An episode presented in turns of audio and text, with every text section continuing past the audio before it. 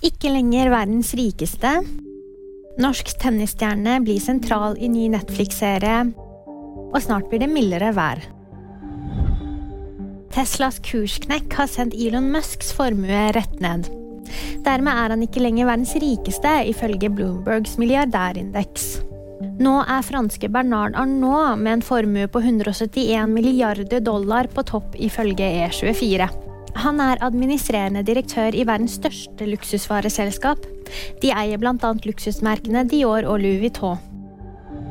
Kasper Ruud blir sentral i ny Netflix-serie. Strømmegiganten slipper de fem første episodene av den nye tennisserien 13.1. Den er laget av skaperne bak megasuksessen Drive to Survive. Ruud vil ha en fremtredende rolle i episode fem.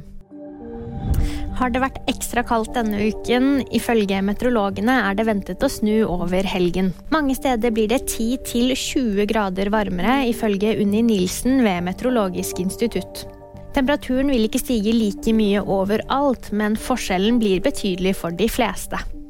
Og VG-nyhetene de fikk du av meg, Jamund Britt Gahr.